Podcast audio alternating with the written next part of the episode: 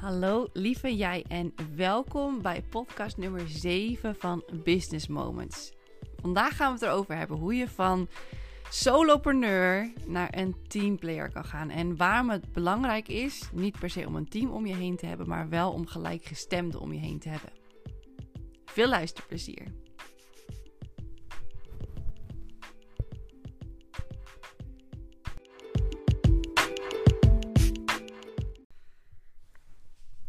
Welkom allemaal en wat fijn dat je weer luistert naar een Business Moments podcast.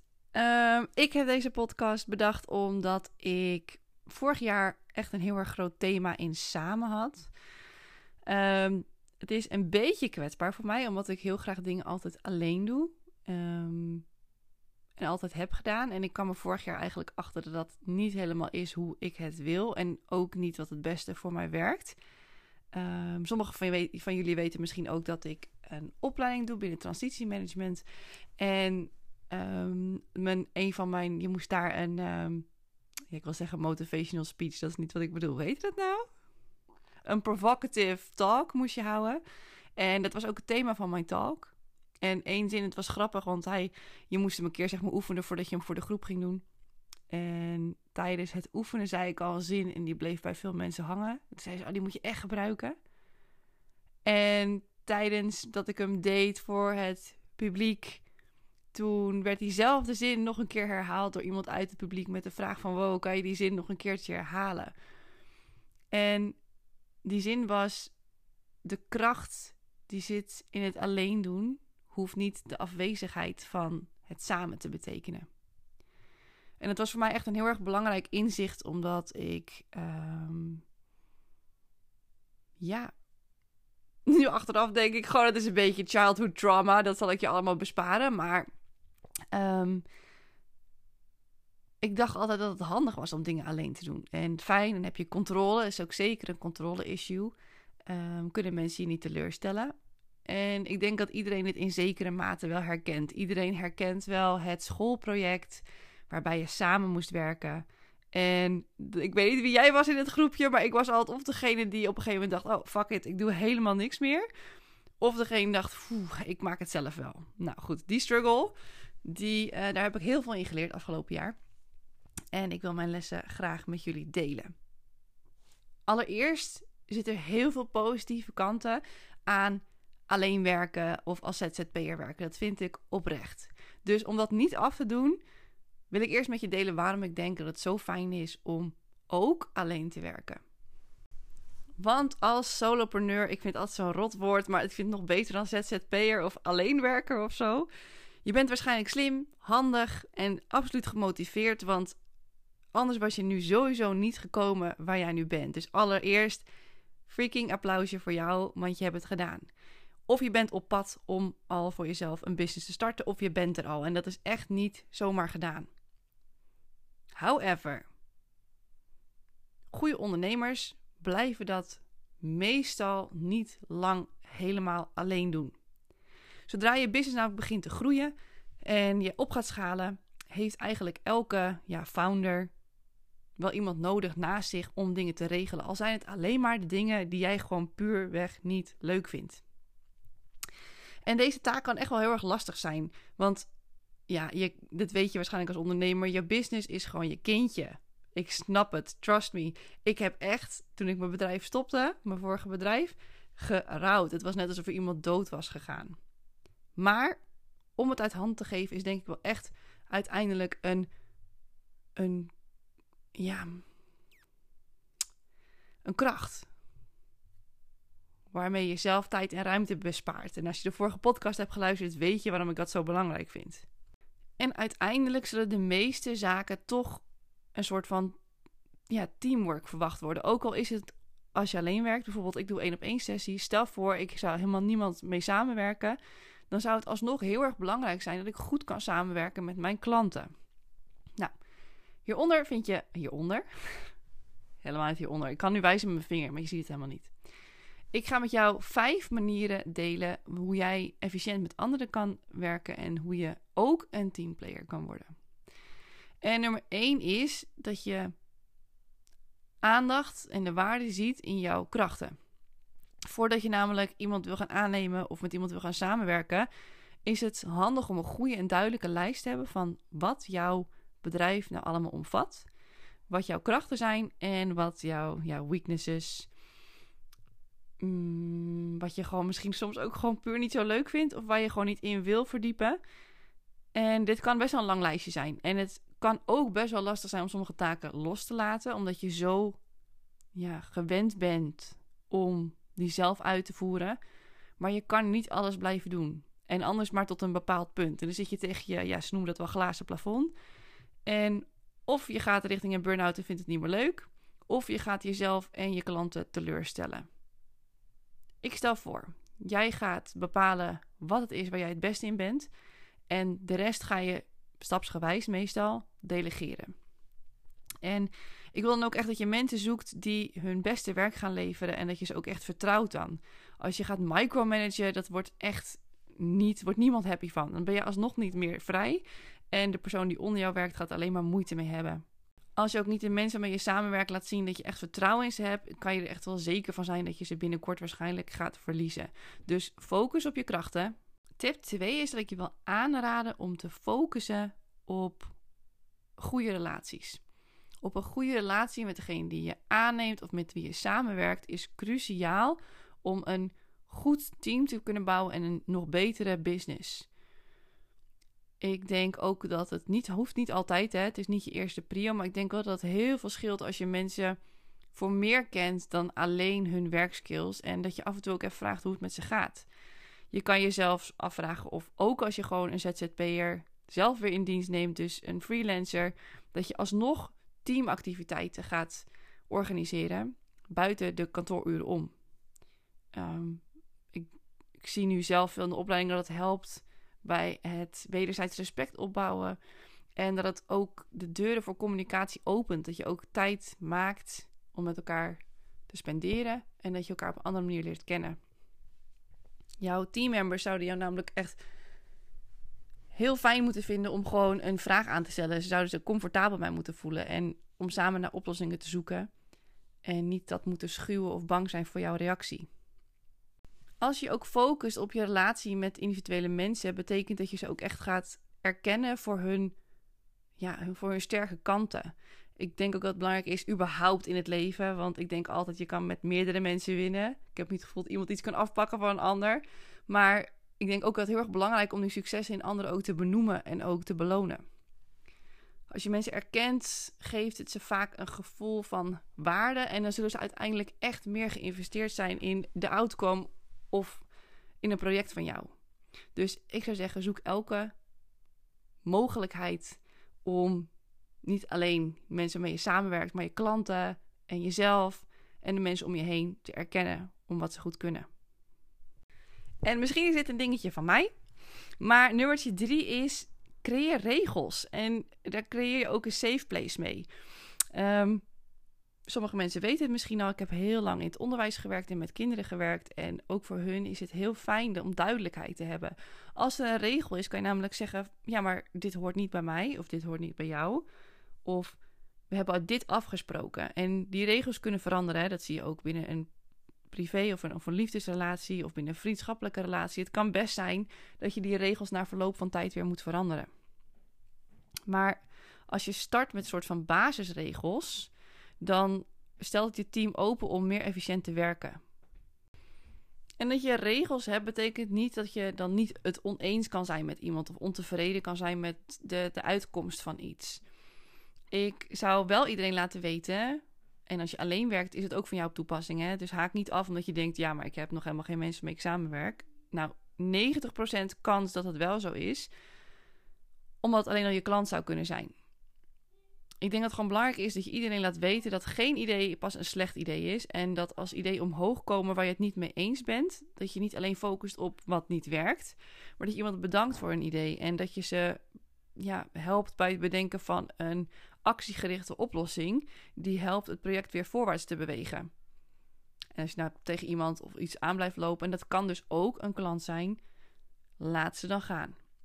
Denk aan mijn aflevering over loslaten. Dus ik wil je aanmoedigen om in plaats van te zeggen: ik vind dat niet leuk, of het past niet, of dat is echt stom, of dat achter iemands rug om te zeggen, nog erger, oh, daar krijg je echt kriebels van. Zeg dingen als, dankjewel voor je idee, Ehm, dit zijn mijn zorgen, wat vind je ervan als we het op deze manier proberen? Dat maakt de volgende keer dat iemand naar je toe wil komen veel makkelijker. De drempel ligt dan een stuk lager en je regels zijn duidelijk.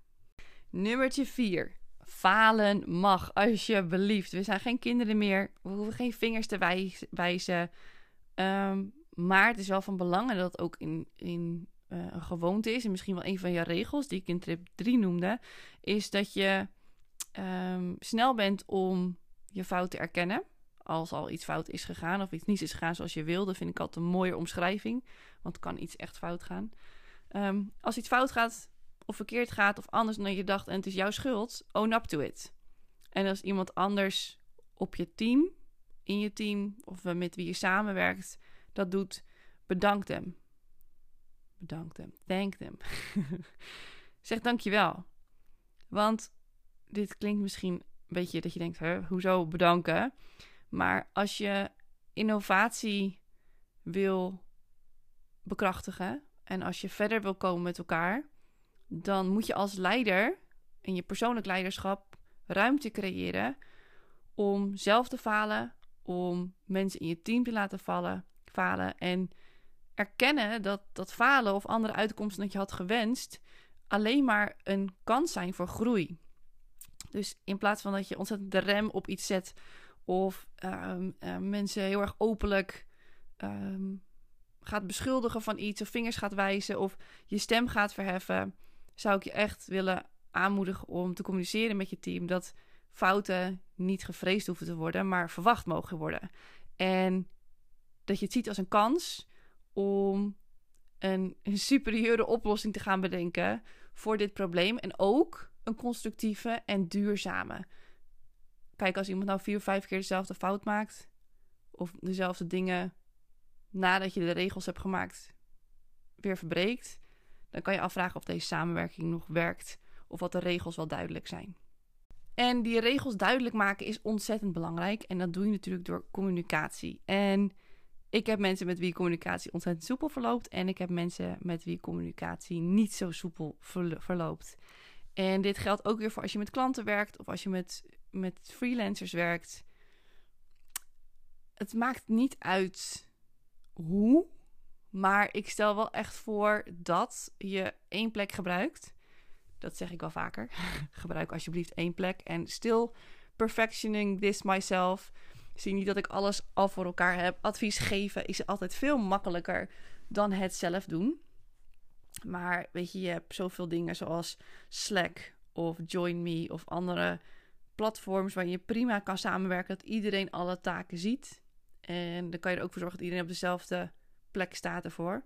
En vermijd dan vaag of verwarrend vakjargon of termen. Maar ik heb hem volgens mij al eerder genoemd in, ik denk, mijn podcast over agenda management of plannen. Dat ik zei, maak alles actiegericht. En zorg dat alle informatie al op één plek staat. Dus als ik iets moet bellen, schrijf ik niet alleen op bellen, maar wie, wat, waar, telefoonnummer, hoe laat, en wat ga ik tegen ze zeggen? Zodat eigenlijk zodra ik er niet ben, om even terug te komen op de vakantiepodcast, dat het zo overgenomen kan worden door iemand anders. Of als ik er een week uit ben, dat ik een week later nog precies weet wat ik moet doen. Stel voor, je hebt nog geen team. Ik stel wel altijd voor dat je dat alvast inbeeldt in je hoofd. Um, maar je hebt dat nog niet, of het is bij jou echt oprecht niet nodig dan stel ik alsnog voor dat je gaat samenwerken met andere mensen. In elk geval op hetzelfde niveau.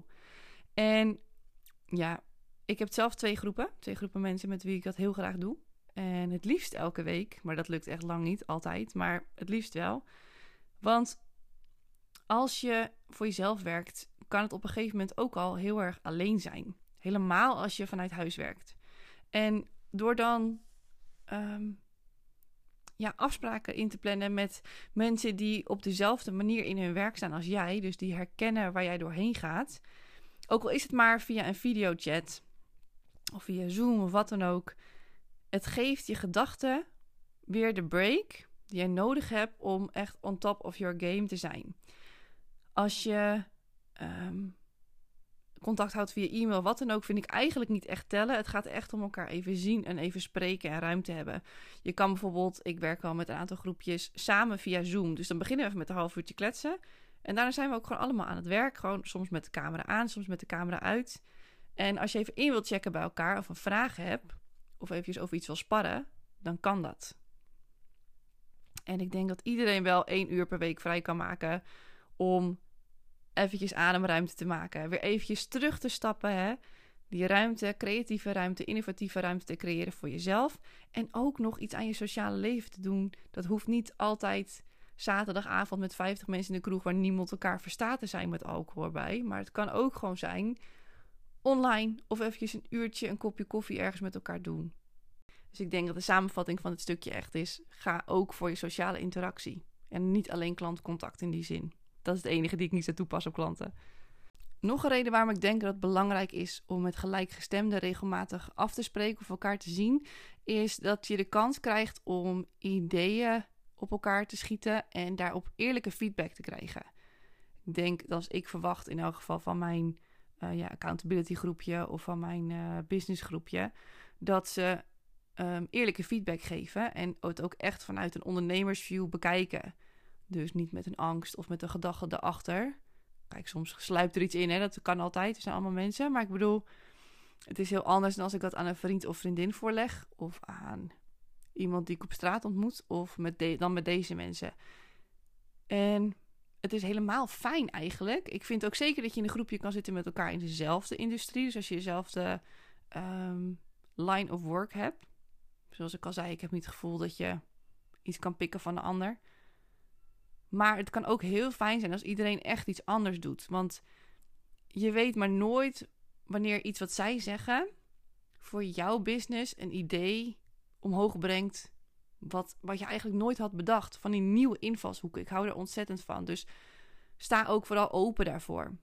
Het betekent niet dat je het altijd op die manier hoeft toe te passen. Maar sta open voor dat creatief proces en kijk hoe je het wel in kan passen.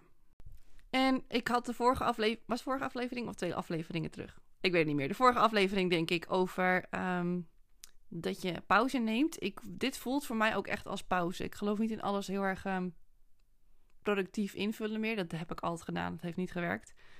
Maar het is toch nog wel ergens productief, maar ook ontspannend. Omdat het een sociale aangelegenheid is. Je kan wat lol hebben terwijl je eigenlijk productief bent. En productief is soms ook gewoon rust, hè? Dus er zit heel veel productiviteit in rust. Want dat geeft je dan juist weer die focus om er straks weer helemaal in te duiken. Zoals jij weet, geef ik je altijd graag een actie mee aan het einde van mijn podcast. Die je alvast kan gaan doen. Want niks doet zoveel als actie. Alleen luisteren gaat niks voor je waarmaken. Dus ik wil dat jij actie neemt deze week of vandaag. Want ik doe nu elke dag een podcast. Oh my god. Um, en de actie die ik wil die, dat jij neemt, is dat je gaat kijken waar kan ik nog waarde halen uit samenwerken. En dat mag zijn als je in je eentje werkt. Het kan zijn met je ZZP'er, met je ZZP-vrienden. Het kan zijn met je, um, met je klanten, tot op zekere hoogte. Dus laat me weten wat het is wat jij gaat inbouwen, waardoor jouw samenwerking, dus dat je de kracht uit anderen kan halen om jou te ondersteunen, gaat toepassen. Dus neem contact op met je ondernemersvriend, vriendin en laat me weten hoe het voor je was als je hebt samengewerkt.